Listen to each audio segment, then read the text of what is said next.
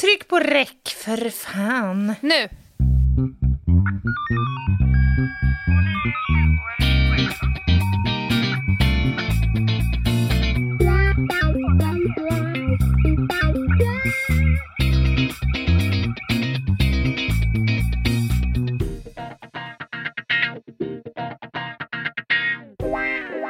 Du har någon mer med dig där ser jag.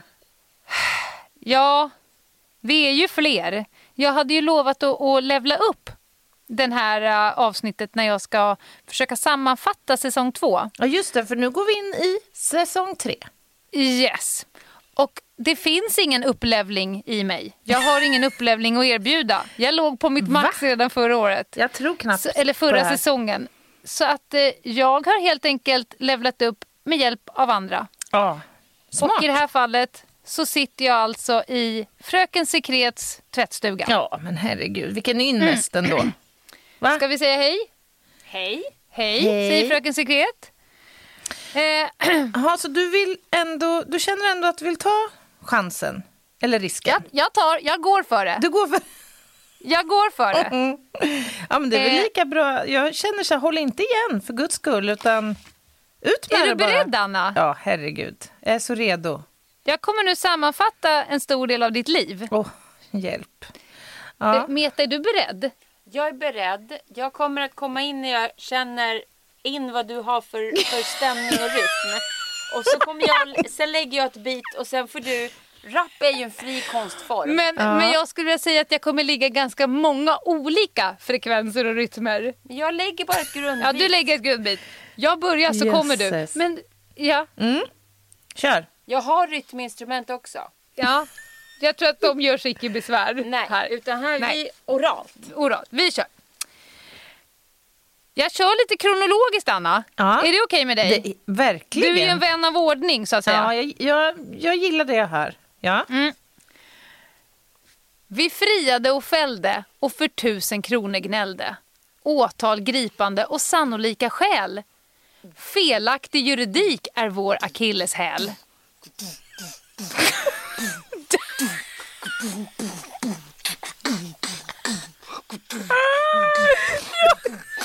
Alltså det här är så starkt. Jag börjar nästan gråta känner jag.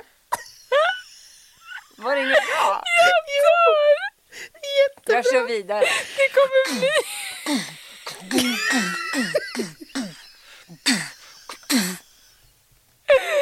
Okej, vänta. Du får hålla in lite. Okej, jag håller tillbaka lite grann. Gapa stort och, och ha tålamod med Annas händer. Det tar tid att räkna 25 000 tänder. Likmask i mun, spolas ner i brunn. Bokmärke på magen, glad hela dagen. Spansig, bjudsig, tjuvsig. Anna på alpresa blev pigg. Brandman vid säng natten lång. Anna blev sugen på att åka åka med pumps och kastång. Bokningar haglar på sjöliksfärgade naglar. Nere på djupet lever endast Göran. Eller ingen vet egentligen. Gör han? Vi åt frukost dygnet runt, sov i vilrum allt för tungt. Innan passet marinara, efter träning carbonara. Lena sprang hinderbana och kände sig som en tuffen. Anna glömde mosa bananen i muffen. Vi grävde på djupet och fann kraft och mod. Starka biceps och jävlar anamma i vårt blod. Vi lyfte på locket till de vidrigaste brotten. Pratade om barn som fått den sämsta lotten. Man får inte från detta ämnet rygga förrän alla ungar kan leva livet trygga. Mm.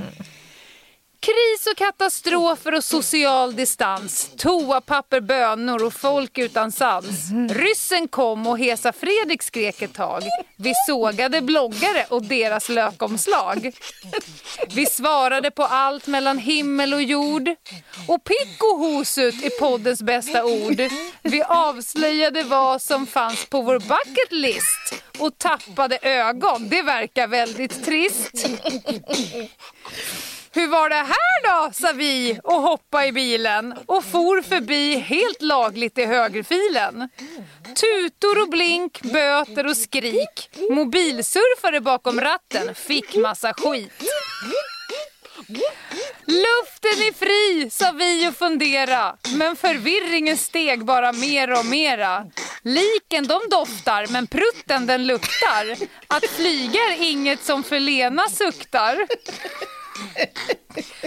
av jord är du kommen, vi grävde oss ner Hittade svamp, mord, rejv och mycket, mycket mer. Filosoferade om när det tar slut på vår tid Och hoppades och bad om lite griftefrid när skiten slår rejält ut i fläkten, rädda då dig själv och dina favoriter ur din släkten. Fly för livet, göm dig och slåss, men för guds skull, vifta inte framför polisen förstås. Vi avslutade med att låta er höra exakt vad ni ska tänka och göra. Ett snabbt och riktigt agerande i nöd kan faktiskt vara skillnaden mellan liv och död.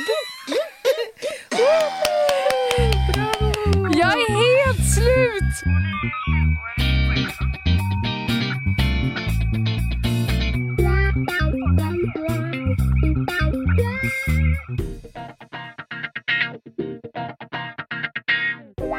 Jag tror att vi får svårt att gå vidare härifrån, men jag tror att vi måste försöka. Vi måste försöka och vi kommer klara det. Så här är det, Anna. Jag har eh, återigen samlat ihop en frågelista. Mm. Men till skillnad från tidigare när vi har matat oss igenom den tillsammans så kommer du bli ensam svarare idag. Oj. Av den enkla anledningen att jag inte kan någonting om det här. Och det är inte likmaskar. Det Nähä. är inte in i käften och rota. Okej. Utan idag ska vi prata om ditt absolut härligaste, nördigaste ämne. Kriminalteknik. Som jag har längtat. Och jag ska säga så här, som våra lyssnare har längtat. För att vi ställde ju en fråga om de hade några frågor. Ja, just det. Hade de några frågor? Ja, men det var ju helt bisarrt. Det haglade ju frågor. Ja, och jag har nu sammanställt här och eh, jag eh, kommer helt enkelt mata mig igenom det här. Mm. Vad spännande, svarar- men vad läskigt samtidigt. För att jag känner pressen stiger här nu. Jag måste ju kunna Nej. leverera. Man kan alltid säga pass på kungen, Anna. Ja. Alltid. Sen är jag lite omtumlad nu efter den här inledningen. Jag vet inte. Ja, jag ska samla ihop mig nu. Vi kör. Ja, vi kör.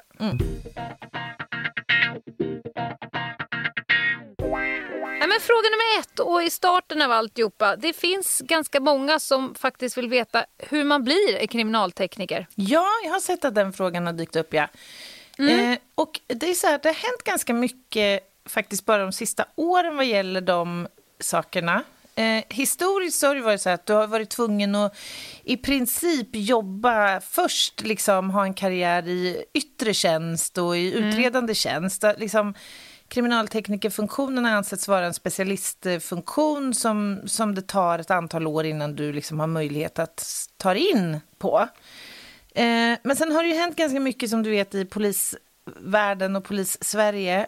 Eh, vilket gör att man har gått från den här gamla principen till att inse att nej men, det kanske finns folk där ute som faktiskt har kunskaper som kriminaltekniken har glädje av och behov av. Så att eh, så i grunden kan man säga så här att eh, du bör vara polis, polisutbildad. Och det är en stor fördel om du jobbar ute något eller några år därför att då har du stor glädje av liksom sen när du söker dig till kriminalteknikerfunktionen. Eh, Det spelar nästan ingen roll vilken funktion du söker till. Nej. Det är alltid bra att varit ute. helt riktigt. Helt För annars så riktigt. fattar du inte polisarbete. Och då spelar det ingen roll vad du hittar på. Nej, men så är det ju naturligtvis. Eh, och när du väl har sökt en tjänst som kriminaltekniker och har fått den, då ska du jobba som kriminaltekniker i kanske ett år eller så. I vart fall tillräckligt länge för att ha varit med och tittat på ett antal oklara dödsfall, eh, grova narkotikabrott. Man vill helst att man ska ha sett liksom, en mm. variation av grova brott och varit med eh, och utrett dem kriminaltekniskt innan man får gå en eh, utbildning på NFC, mm. Nationellt forensiskt center. okay. Och den här utbildningen... Men den... finns det någonting Finns det någonting man inte får göra då första året innan man har gått den här utbildningen? Nej, det gör det inte. Eller så här, Nej. Du, man ska betrakta det här året som en eh, läroperiod kan man väl säga. Ah, du har fulla befogenheter och sådär, men du kan ju ännu inte några metoder egentligen. Och du, du har ju fortfarande ingenting, liksom ingen teoretisk kunskap att hänga upp eh, brottsplatserna på. Så att det blir ju mer ett, ett liksom lärande för att kunna förkovra dig ytterligare. Eller för att kunna liksom ta till dig hela den här utbildningen mm. som du sen erbjuds att gå, som då är över ett år. Det är 21 eller 22 veckor tror jag, heltid. Men den sträcker mm -hmm. sig mhm. över ett år för att du har också ett specialarbete du ska göra och sådär. Okay. Eh, men det finns en väg för civila numera också. Ja, just det. Det har du eh, nämnt. Ja, för att det har varit sånt enormt behov av kriminaltekniker på vissa ställen i landet. Så att nu, just nu så har man ett eh, försök på gång i Stockholm. Eh, jag tror att det är 20 civilanställda man har rekryterat. Och då, mm -hmm. då har man ju i första hand eftersökt människor som har någon slags kompetens då som kan vara till till gagn för liksom, kriminaltekniken. Och det kan vara att man har mm. en kemiutbildning eller är fotograf eller liksom har någonting som är kvalificerande, om man säger så. Eh, så nu har man på prov testat att anställa ett antal civilanställda, så får vi se hur det där faller ut. Det kanske blir så att man kommer göra på motsvarande sätt på andra mm. ställen i landet framöver. Men eh, det är en stor fördel att vara polis ändå, skulle jag säga. Och sen är det ju det att du har, du har ju inte alla befogenheter som civilanställd heller. Och det händer ju faktiskt att vi åker ut till brottsplatser som involverar spaningsärenden, ett spaningsmord till exempel. Och det innebär att då är ju fortfarande inte en misstänkt person gripen. Eh, och det innebär ju att den här personen kan komma tillbaka till platsen eller det kan av andra skäl bli farligt på platsen. Och då är mm. det en stor fördel att faktiskt ha befogenheter som polisman att ja, bru bruka våld eller förstå hur man taktiskt kan lösa de här situationerna. Jag har en fråga, Anna. Kör. Den där utbildningen mm. på NFC, den är, ju den är ju väldigt lång för att vara en, så att säga, en internutbildning. Mm. Och då undrar jag, kan, finns det högskolepoäng man kan tillgodoräkna sig av allt det här? Nej, tyvärr. Nej. Tyvärr så är ju polis, polis, eller vad ska jag säga, polisiära utbildningar är ju ännu inte högskoleanslutna. Eh, man har ju fört sådana diskussioner fram och tillbaka. Nej, så tyvärr, den är helt avskild från, från högre studier eller från högskole och universitetsmiljö. Så du får inga akademiska poäng, dessvärre. Och du kan inte heller Sen. tillgodoräkna dig sådana när du ska gå utbildningen. Men det, jag vill säga att det är faktiskt jag har ju gått ganska många utbildningar och det är nog fasen den roligaste jag har gått. Den är väldigt bra jag. och väldigt rolig.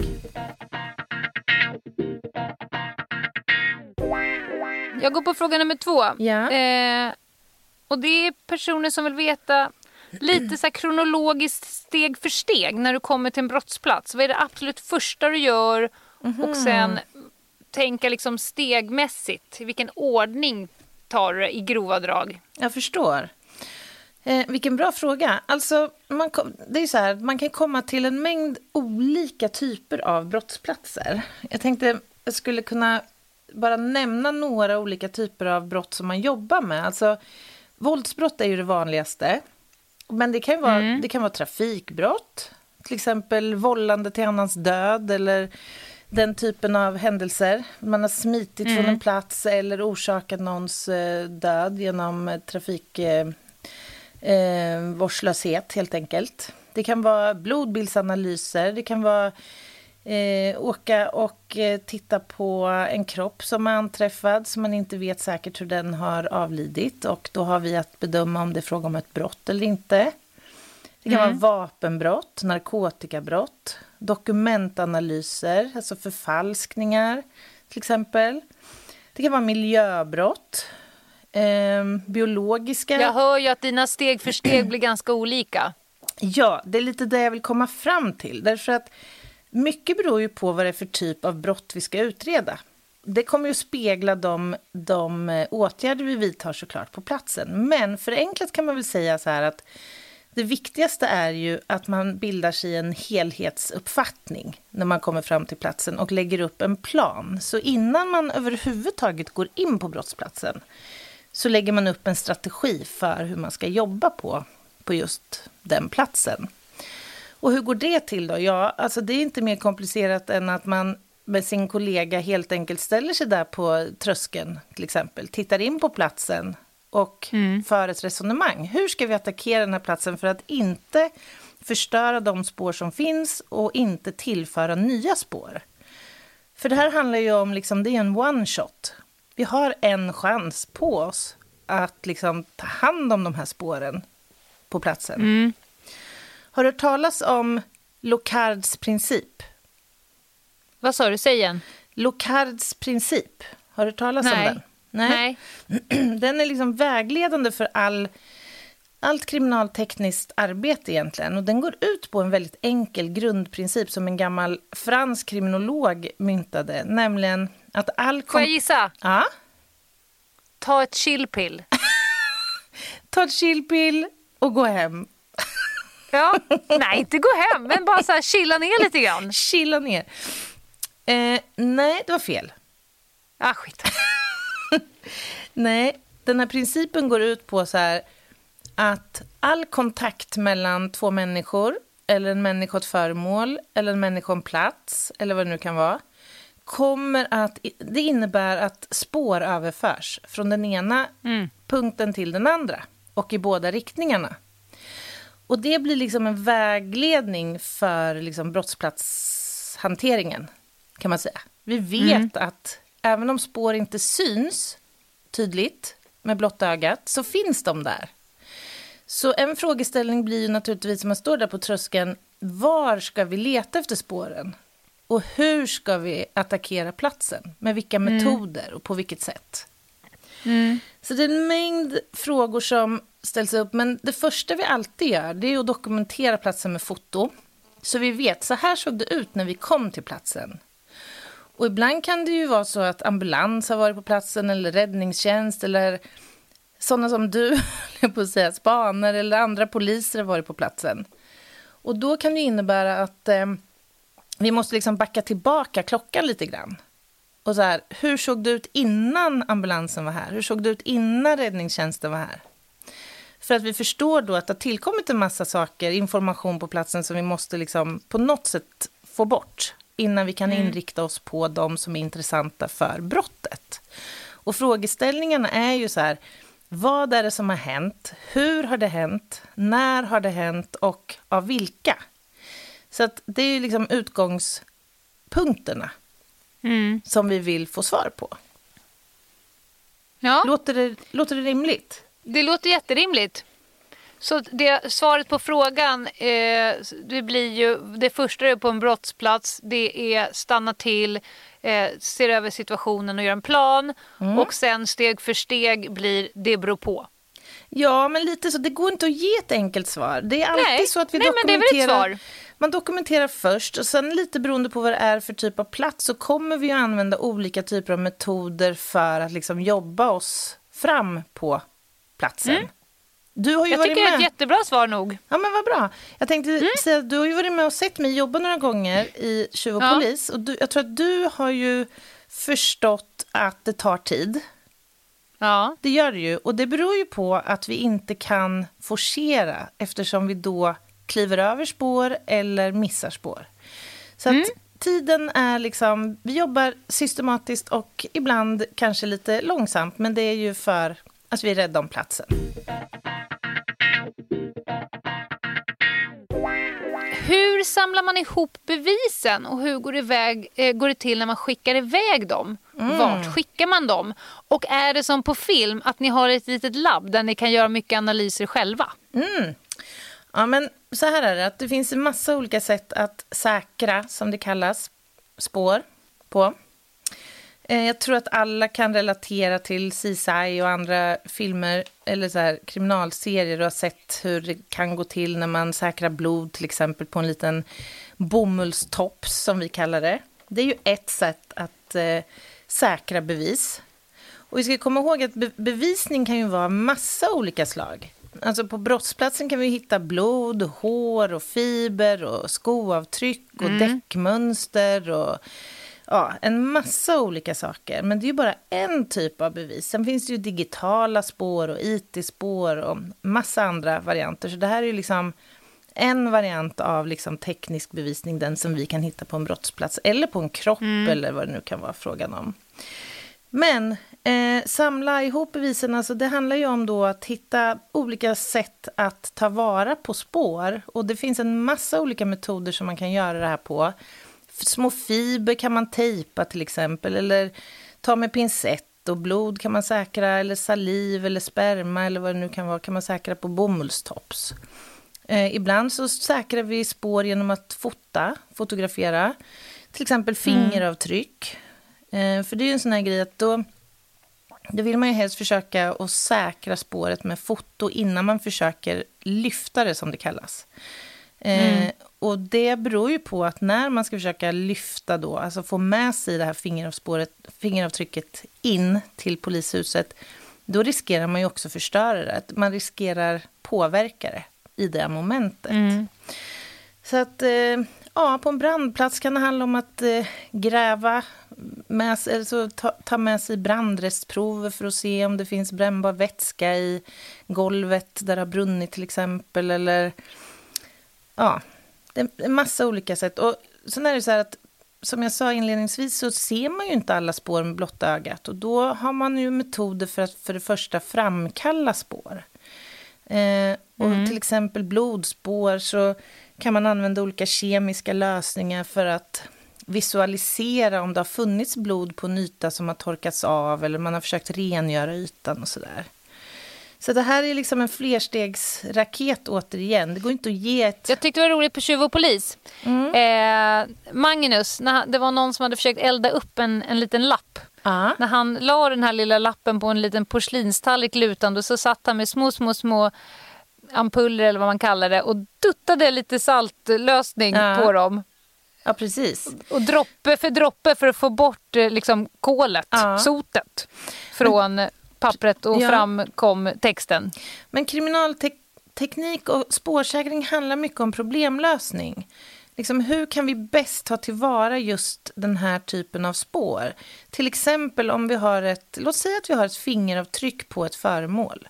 Då måste vi först där och då bestämma oss för så här, har, den här, har det här föremålet exponerats för vätska av något slag? Och vad mm. sitter finger, fingeravtrycket på för typ av föremål? Det är en massa olika frågor som måste besvaras innan vi kan välja vilken metod vi ska använda för mm. att försöka framkalla spåret och säkra spåret. Så att, eh, ja, det här är ganska komplext. Och det tar, jag skulle säga att det tar fyra, fem år kanske innan man känner sig trygg med alla metoder och liksom tankesättet på en brottsplats. För att det är så många aspekter och mm. faktorer som spelar roll. Det är inte som på CSI, att det finns liksom en tydlig väg att gå alltid och ett enkelt sätt att hantera spårsäkring på. Nej, och väljer man en väg att gå med ett spår mm. eh, så pajar man ju spåret och då kanske den andra vägen inte går att använda längre. Men ta den här klassiken. Vi har anträffat en mobiltelefon i handen på ett mordoffer, säger vi. Ja, då vill vi för det första ha informationen i telefonen, det vill säga digital bevisning. Vem har han eller hon kommunicerat med? Eh, finns det någonting här som kan avslöja någonting kring motivet eh, och så vidare. Och vem som har mördat den här personen. Mm. Men vi vill kanske också säkra både DNA och fingeravtryck på telefonen. Mm. Och då måste man liksom ha en plan för hur ska vi bäst hantera den här och med vilken metod för att ett, inte förstöra de andra spåren, två, inte omöjliggöra för att kunna få ur de andra spåren ur telefonen. Så det är, ja, det är lite... Mm trixigt ibland, men det finns ofta en bra lösning på de här frågorna.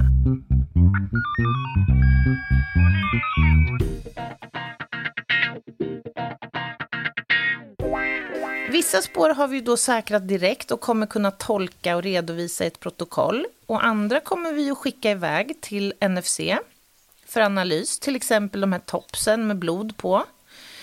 Eh, då skickar vi dem iväg på analys och så får vi ett svar, förhoppningsvis då vems blod det här är, eller vems DNA som finns i den här besudlingen som vi har säkrat. Vissa saker kan vi också göra själva på labb, till exempel undersöka kläder, leta små glaspartiklar i en tröja till exempel, eller göra en blodbildsanalys på en eh, jacka eller vad det nu kan vara för något. Så det är en kombination mm. av vägar som vi kan gå sen med spåren. Mm. Mm. Eh, du har svarat dels lite på den här frågan, men det här med att vad som är vettigt att spara och samla in, det har du ju svarat på. Men om du kommer till en plats och det finns en stor mängd med, säg fimpar som ligger utspridda. Kollar ni alla fimpar? Eller tänker ni att den där har vi chans på och den där kan vi skita i?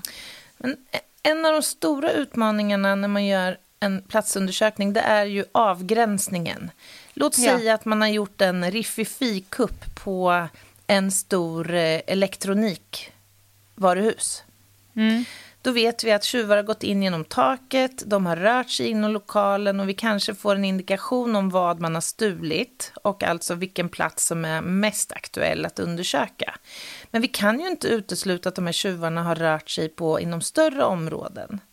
Men samtidigt skulle man undersöka en lokal som är ja, 500 kvadratmeter stor så kommer det ta tre veckor och det kommer sannolikt inte resultera i särskilt mycket bra information för att besvara frågorna om var, när, hur och varför. Eh, så därför så får man alltid göra en avgränsning. Och, handlar och sen är ju vissa spår liksom mer intressanta än andra också. Man vill ju helst ha de spår som är så nära brottsplatsen som möjligt. Är det ett mord till exempel, då vill man ju gärna ha de spår som är precis i anslutning till kroppen eller där vi ser att det har varit tumult eller ja, så nära liksom den heta zonen som möjligt om man säger så. Vi kommer oavsett säkra de spår som finns utanför det här området, men vi kommer göra en prioriteringsordning utifrån vad som är relevant i något mm. liksom, skede av arbetet. Så nej, Eh, är det fråga Alla fimpar kollar in, Nej. kollas inte helt enkelt? Nej, det gör de Nej. inte. Nej. Nej. Eh, och hur långt det tar från brott till analyssvar? Ja, ja det, det, vet ju jag som håller på med narkotika. Det beror ju på. Det kan ja. ju gå väldigt snabbt och det kan ta upp till ett halvår, banne med, ja. om det vill sig illa. Men så är det ju och det beror ju på flera saker. Det är ju, ytterst är det ju liksom en resursfråga såklart. Men det handlar ju också om eh, olika prioriteringar kan man säga. Just nu så har vi den här Operation Rimfrost som mm. jag tror de flesta känner till. Och de ärendena prioriteras, då går det lite fortare. Mord brukar gå ganska fort. Barnärenden, grova brott mot barn går ofta väldigt fort också. Eh, Medan mängdbrott, alltså inbrott eller tillgreppsbrott kanske inte går alltid så fort som man skulle önska. Men man, förenklat kan man säga så att det kan ta en eller två dagar kanske att få svar på en eh, bloddroppe som man har säkrat att skicka in. Eh, Medan det andra ärenden kan ta, liksom, kan ta ett halvår innan man får svar på vissa frågor. Så att eh, det är väldigt, väldigt varierande och det är precis som du säger Lena, det beror på. Vilken är den mest udda brottsplats du har varit på? Och då tror jag inte personen som frågade menade läskig, äcklig utan någon... Humoristisk. Har du varit på någon riktigt rolig, kon, någon konstig? Har jag det? Alltså, det finns ju en, jag vet inte om jag har nämnt den tidigare, men den är en sån här som jag bär med mig som en jättekonstig brottsplats. Och det var ju när jag gjorde en brottsplatsundersökning på, på ett flygplan. Just det, när du var uppe på vingen och vevade ja. runt. och taket på ett flygplan. Alltså det är ju speciellt. Vad gjorde du för, för, vad gjorde du för undersökningar där då? Där säkrade fingeravtryck? Vi, ja, fingeravtryck och skoavtryck faktiskt. Tror eller Vad var brottsmisstanken? Ja, men I det här fallet så var det så att det var tre... Sabotage? Tre, ja, exakt. Flygplatssabotage. Och flygplatserna mm. är ju säkerhetsklassade som du vet. så det här är ju ett, liksom all, det är ett allvarligt Ja, brott. gud ja. Och eh, det var, stod helt enkelt ett passagerarflygplan upptaxat på en eh, bana på Örebro flygplats och det var totalvandaliserat. Jag mötte den flygmekaniker som hade jobbat mest med det här flygplanet genom åren. Han var alldeles förkrossad. Det här var ju som hans lilla bebis alltså.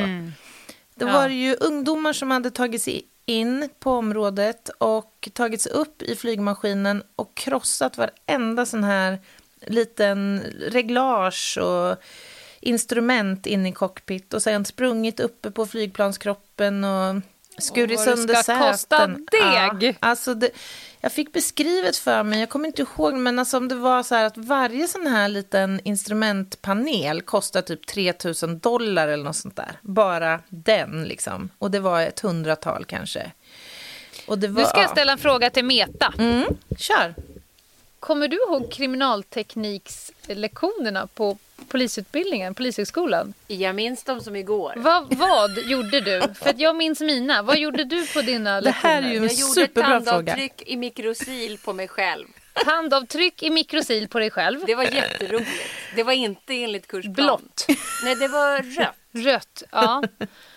För jag minns att man hade ju extremt lite. Man viftade ju runt med det här jävla kolpulvret så att man gick ju därifrån och såg ut som om man hade, jag vet inte vad, Alltså, gått rakt in i... sotare i, i Mary Poppins. Ja, ja, Det var roligt. men var det inte extremt lite kriminalteknik? Jo, det var det. Det var väldigt lite och det lilla som var kändes inte helt... Eh... Genomtänkt? Nej, men det kändes inte riktigt som att vi faktiskt skulle använda det på Nej. riktigt. Nej. Det kändes som att de gjorde det lite som ett alibi och att i verkligheten så skulle vi ringa tekniker om vi behövde göra sådana undersökningar. Om vi kom till ett sånt brott. Men det, för det är det jag reflekterat över. Varför ägnar man x antal lektionstimmar åt att hålla på och slaska med mikrosil och göra dackningsgrejer och så vidare med tanke på att de som gör det inom polisen har ju det som en profession och är på riktigt duktiga på det. Ja, varför tror- varför, varför gör man det ens? Jag tror så här, för det första så finns det ju två typer kan man säga lite förenklat av kriminaltekniker. Det finns brottsplatsundersökare och det finns kriminaltekniker. Eller egentligen tre typer. Och sen är ju liksom ingripande poliser också en form av kriminaltekniker. För det är ju så här att kriminaltekniker då som i meningen den jag är, den typen, jobbar ju bara med grova brott. Sen har vi lokala brottsplatsundersökare som jobbar Är med... det Lokus? Ja, det är Lokus som jobbar med inbrott och tillgreppsbrott och så. Men sen har ju de som sitter i radiobil också en viss grundkunskap och grundutbildningen, det vill säga den man får på utbildningen och den som man kan få som lite extra så här när man kommer ut och Okej, jobbar. men, men Anna, Anna, Anna. Mm. Handen på hjärtat.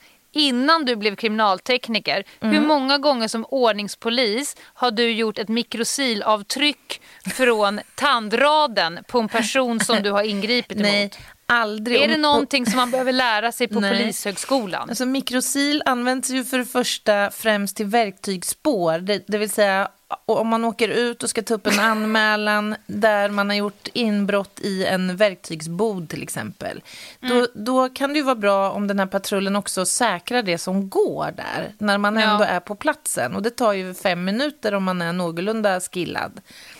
Eh, så att, Jag tänker så här att jag tror att, att kriminaltekniksutbildningen kanske har utvecklats sen vi gick där. Men när jag gick där så kände jag ingen det fanns inget direkt orsakssamband mellan det jag lärde mig och det jag behövde kunna när jag kom ut. Till skillnad från mycket av de andra lektionerna som man verkligen säger, okej det här lär jag mig för att jag ska använda till det där.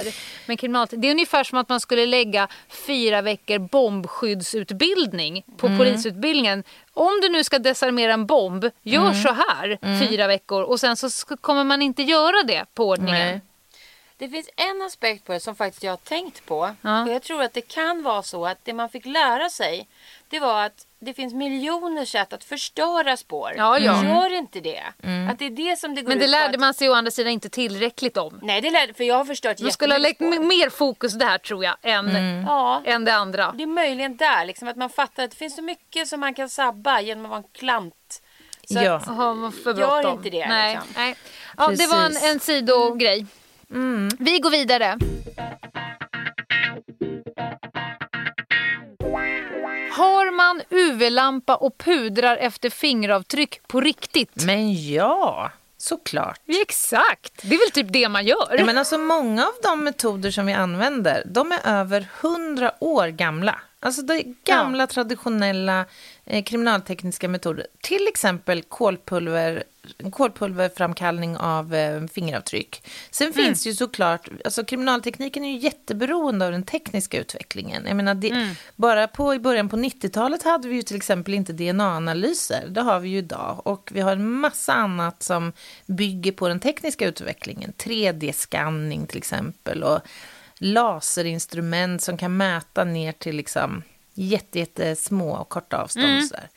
Så att vi har både mycket av det gamla men också en hel del av det nya. Och det här med UV-ljus och for- forensiska ljuskällor som det kallas. Det är inte bara UV vi jobbar med.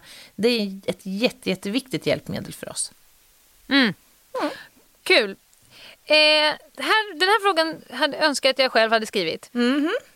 Finns det bevismaterial som blir ogiltigt efter en tid? Alltså jag tänker så här, typ saliv, sperma. Liksom, är den tickande? Om ni kommer typ så här en dag för sent så, spel, så är det ändå ingen idé att ni tar de spåren. För de är inte giltiga efter en viss tidpunkt. De liksom Har finns i, sperma ett bäst före-datum?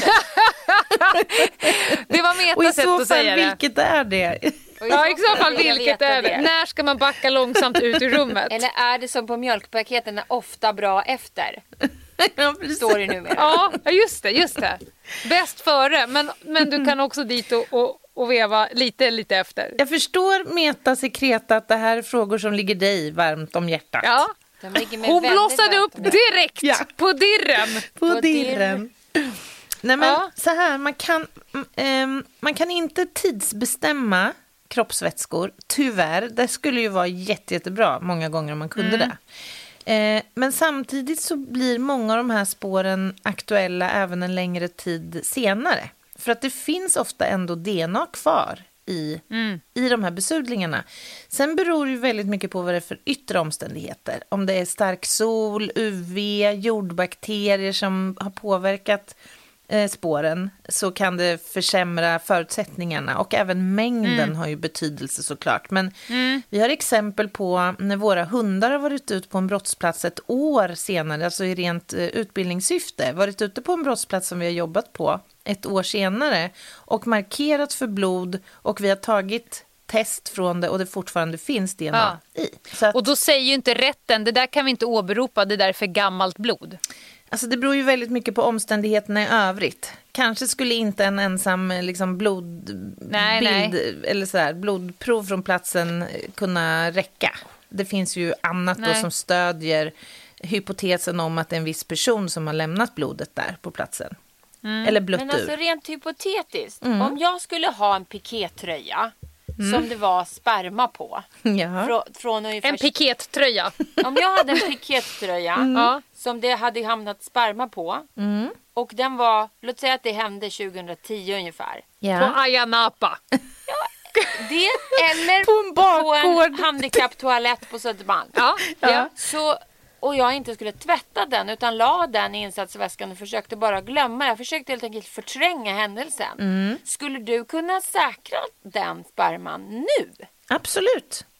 Och faktiskt Ja. även... Gör det! Fuck. Det är ju jätteintressant. Skulle vi kunna hitta en, en person för ett av brotten mot Fröken Sekret? Oj, vad intressant. Det hade varit jätteintressant. Nej, men till och med kan man hitta efter att plagget har tvättats. Vissa typer av besudlingar. Mm. Ew! Ew! Knowledge som jag inte vill ha. Här sitter jag i min tvättstuga. Här sitter jag i min pikétröja. Här sitter Ja. du i en pikétröja. Du Anna, men då tänker jag så här. Lagrar man olika saker på olika sätt? Så ni vet att ni kommer in med det här bevisföremålet, då ska det in i frysen och det här ska in i kylen och det här ska in i mörkt och torrt och det här ska Ja. in i värmen. Precis, jo, men det gör vi ju och det är ju jätte, jätteviktigt.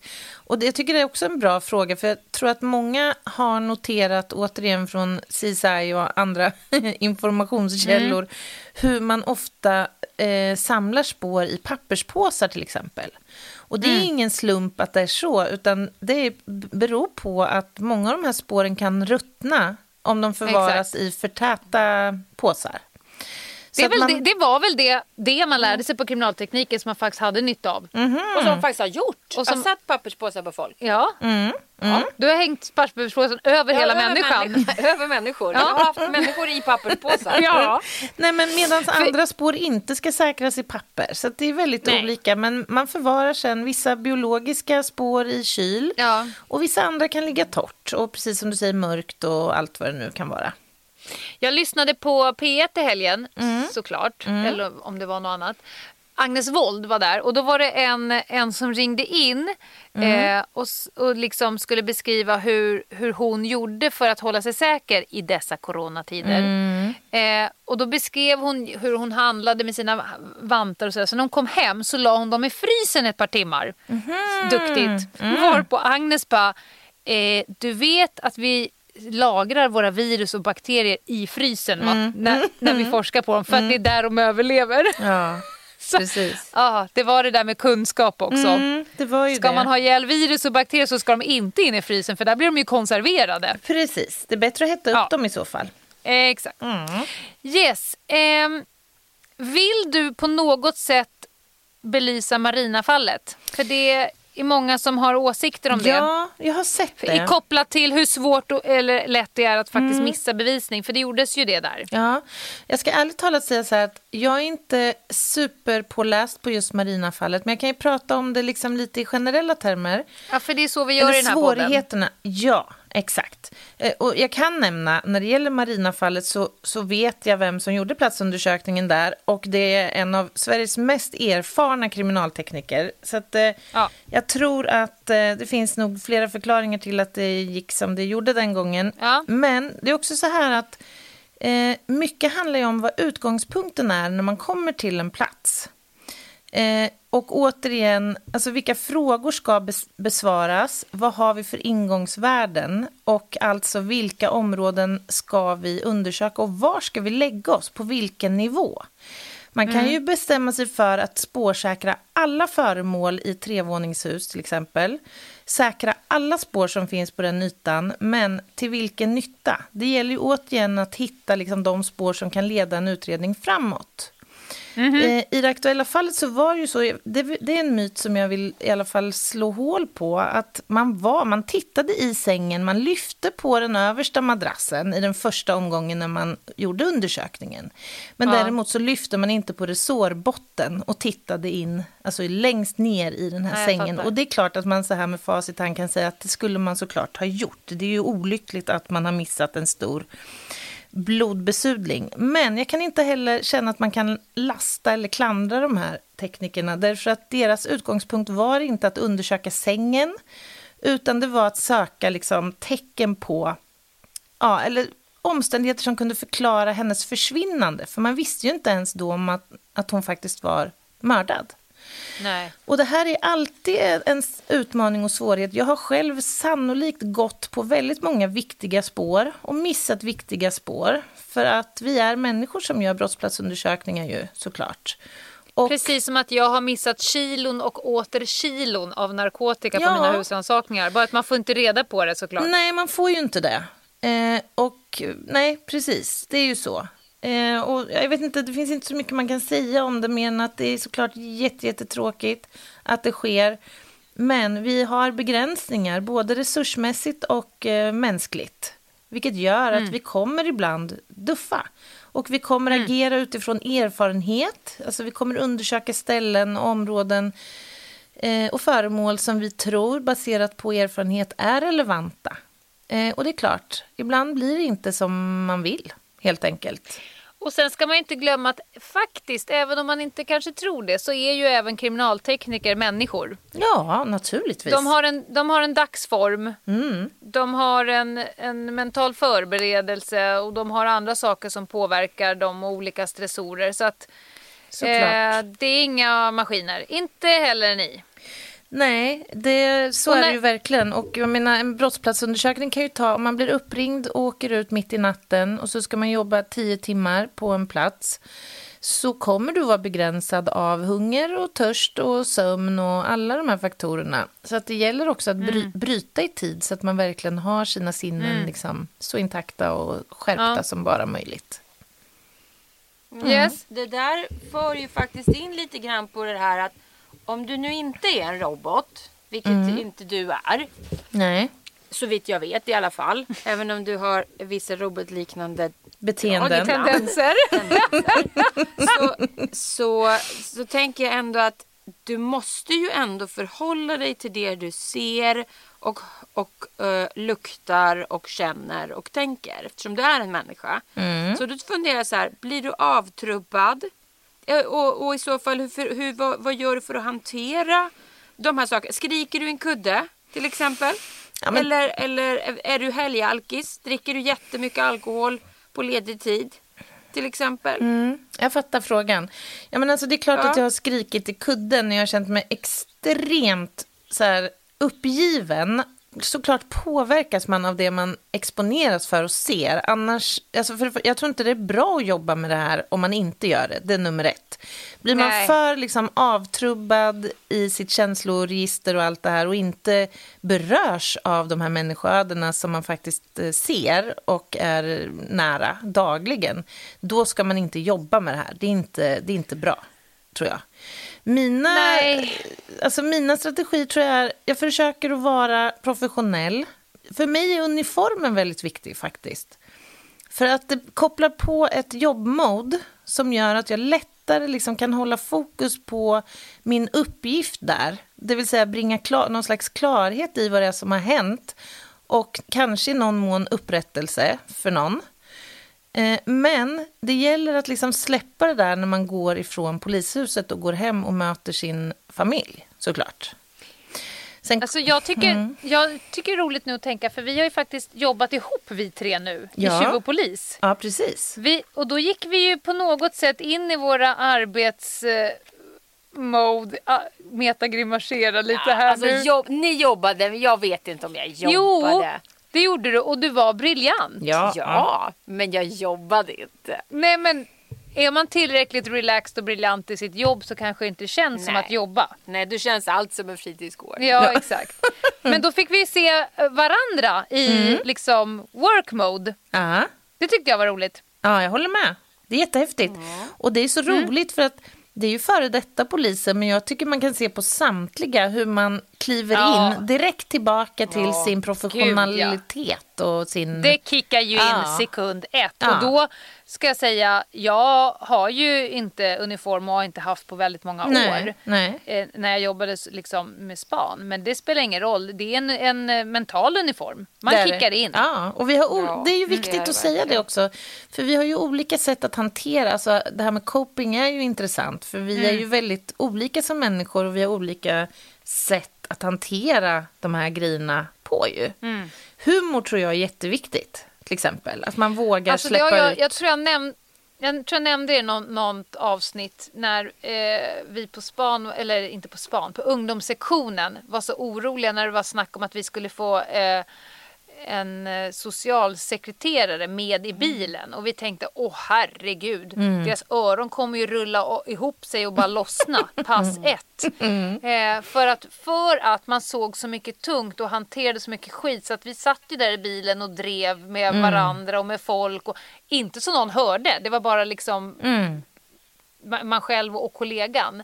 Men det visade sig att den so- socialsekreteraren hade ju exakt samma behov och exakt samma syner så vi, det blev ju bara att man var tre istället. Ja, precis. Men det var extremt viktigt med humor. Det tänker jag också på alla dödsfall jag varit. Man måste liksom få skämta om det extremt makabra som pågår framför en.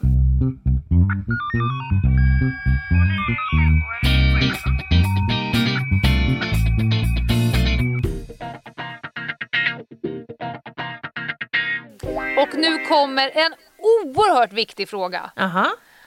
Anna Jinghede, klarar du av att sova i hotellsängar och bada i hotellbadkar? Ja, för tusan. Jag är, jag är inte det minsta liksom kräsmagad.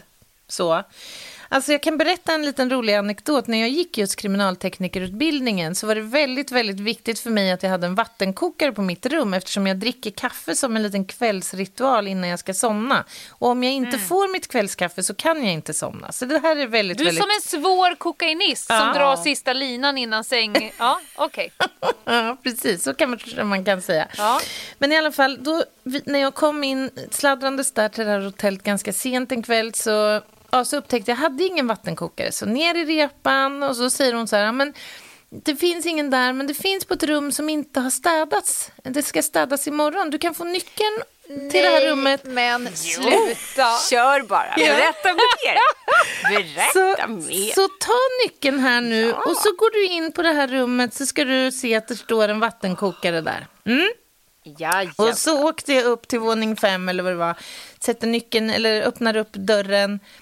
Och sen när jag öppnar dörren så slår det emot mig en doft som, alltså om ni tänker er kombinationen så här rakvatten, parfym, alkohol, sex, liksom svett, allt. Finlandsbåt. Luktar knull. Allt, ja, men det var liksom ett riktigt knullrum. För att Wow. uttrycka mig. Men, och då känner jag när jag står där då, Meta hade precis gått ut därifrån. Där hade jag fått en ordentlig holmgång. Ja, jo, Holmgång! Ja. ja, jo, Men där fanns alltså din vattenkokare. ja. Men när jag står då där den? på tröskeln så tänker jag då, vad kan jag Vänta, där ut... stod vattenkokaren på tröskeln? Nej, nej, jag står på tröskeln. Jag backar här. Så, så, så slår det mig ju då att det här är ju jävligt kittlande ändå. Här står jag ju på en plats där jag kan liksom iaktta en massa, massa olika aktiviteter. Nej, men så jag passade på Ja, och gjorde en liten mental platsundersökning där och kunde försöka rekonst- eller försökte rekonstruera då händelserna där. Och det, jag tyckte det var lite spännande ändå. Alltså, om du skrev ner det i, i en novell, ja, då finns det människor som skulle vilja betala för att få läsa det. Jag inser att det är ganska yrkesstört. Alltså det, det, Tycker du? Jag förstår ju Tycker det. du? Med, med någon Inte slags... farligt. Men ändå, sån är jag. Och jag fick min vattenkokare.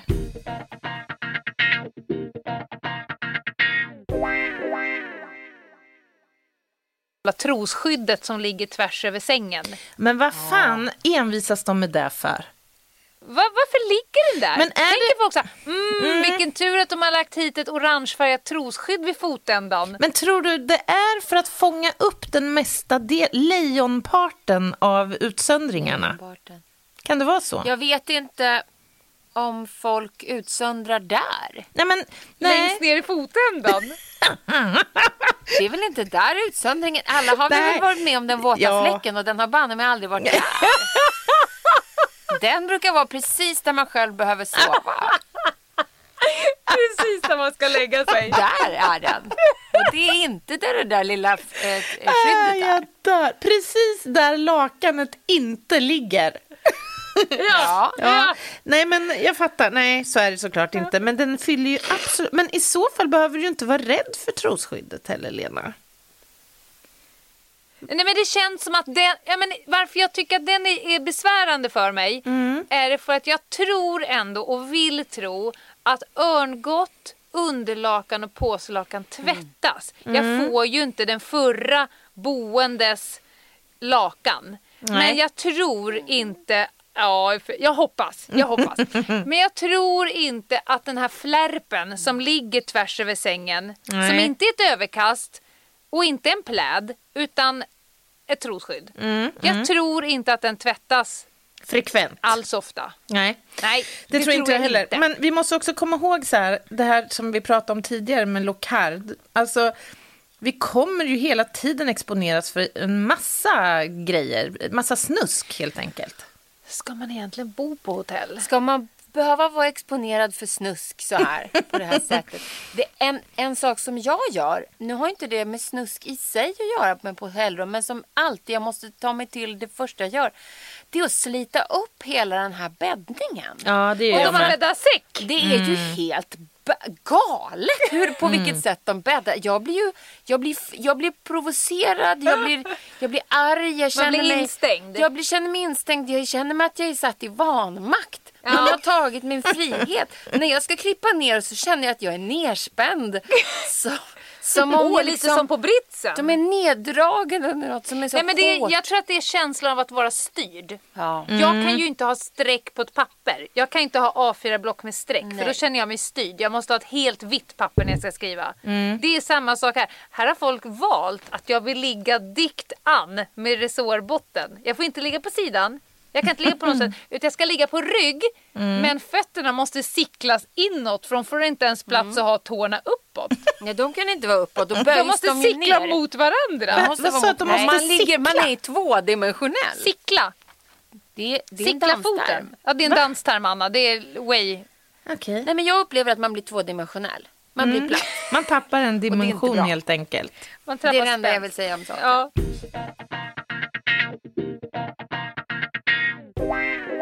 Vilka prylar har du varit mest exalterad över att få jobba med? Vad får dina teknikerögon att lysa av ha-begär? Oj, vad svårt. Inspector Gadget. Ja, men alltså, jag, är ju, jag är ju tekniknörd ut i Jo, fingerspetsarna.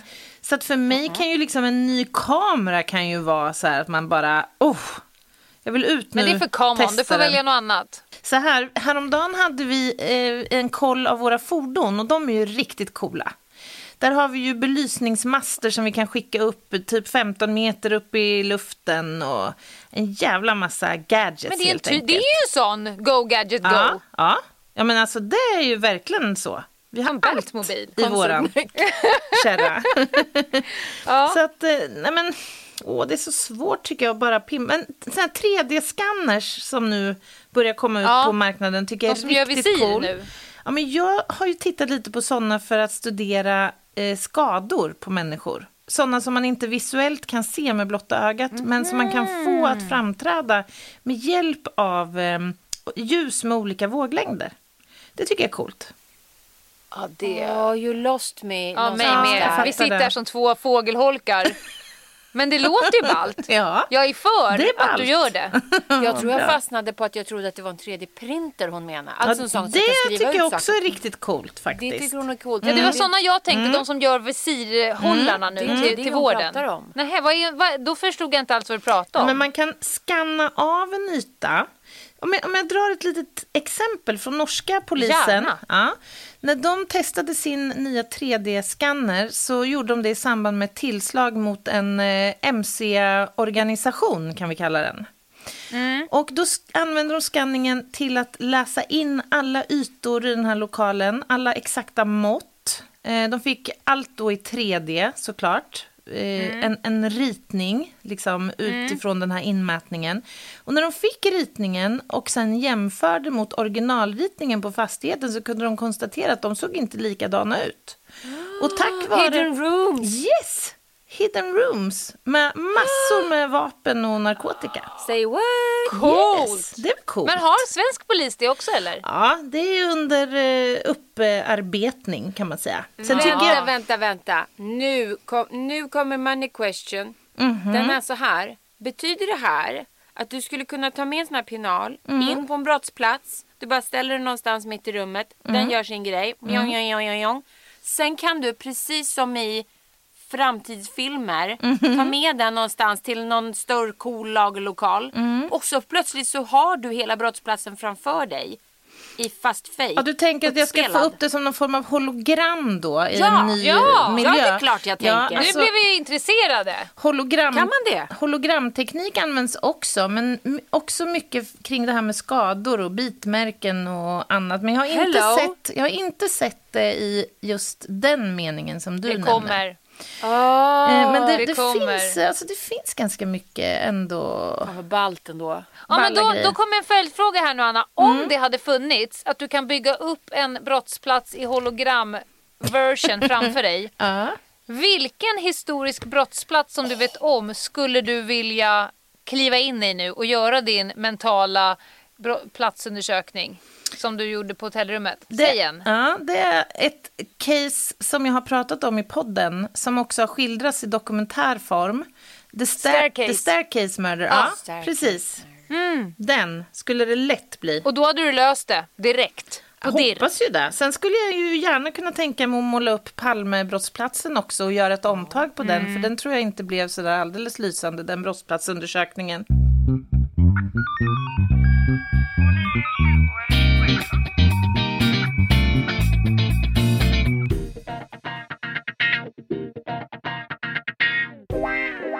Hur kan man se skillnad på ett mord och ett självmord? Hur kan man urskilja det ena från det andra? Oj, vilken bra fråga. Det beror på, skulle jag säga. Eh, stageade brottsplatser, det vill säga brottsplatser som har arrangerats eh, att se ut som ett självmord men som i själva verket är mord brukar ju vara eh, orsakade av till exempel hängning eller förgiftningar, en sån här vanlig grej. Eh, och när det gäller hängning då finns det olika saker man kan titta på. Man kan titta på hur snörfåran runt halsen ser ut till exempel.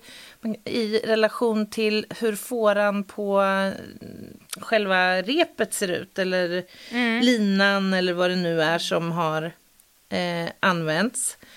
Eh, ja, men, och så, alltså, mycket handlar ju om att rekonstruera en händelse och kunna med fakta från platsen besvara och illustrera varje enskilt moment. Och kan man inte det, då måste man fundera på var fallerar det? Liksom, vad, Ja. vad är det som brister? Och mycket av det här handlar ju om samverkan mellan oss och mellan rättsläkaren och mellan utredaren som får ställa frågor till anhöriga eller vänner eller andra.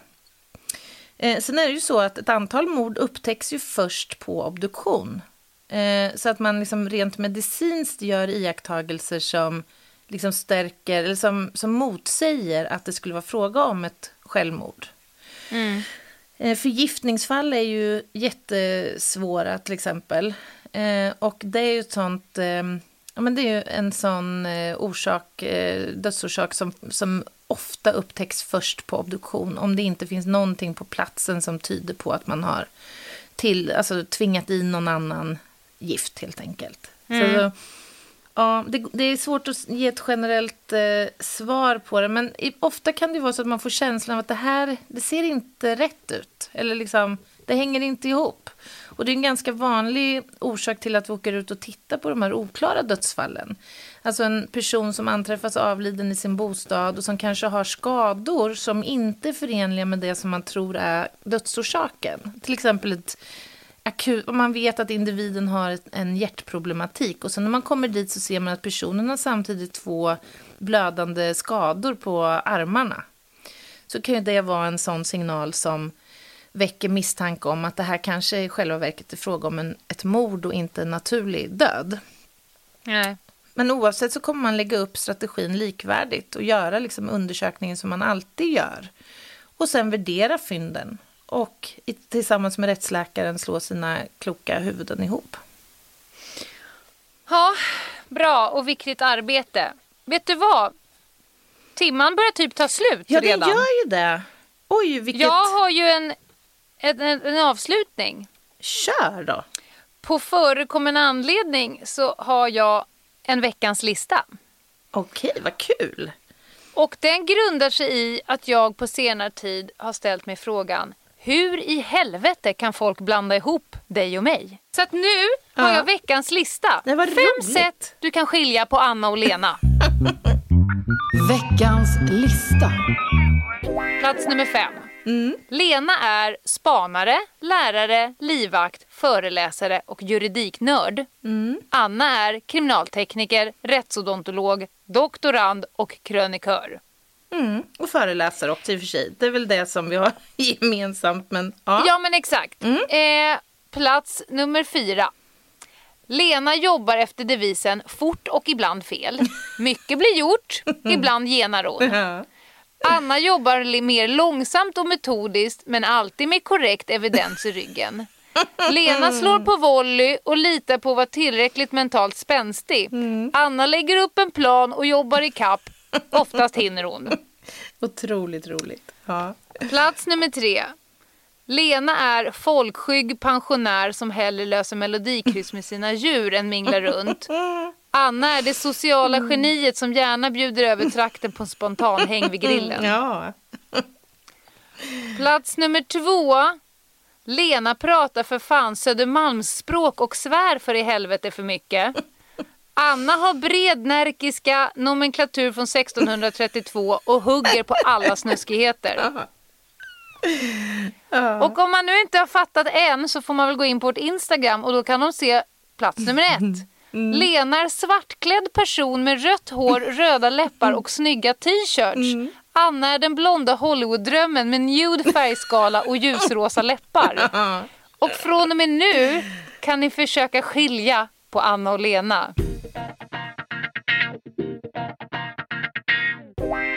Vi får avsluta här Anna. ja, det gör vi. Vad kul att du eh, gjorde de här eh, sammanställda frågorna tycker jag. Ja, Eh, jag har det- några kvar så det Ja. kommer bli mer kriminalteknik framöver. Härligt. Nu får vi säga hej och eh, då. och välkomna våra lyssnare till vårt Instagram. Eh, Ljungdahl och Ginghede. Det går också bra att kontakta oss via mail. På ljungdahl och Ginghede gmail.com. Och annars så hörs vi om en vecka igen. Det gör vi. Toodaloo! Toodaloo. Hej då. Bye, bye.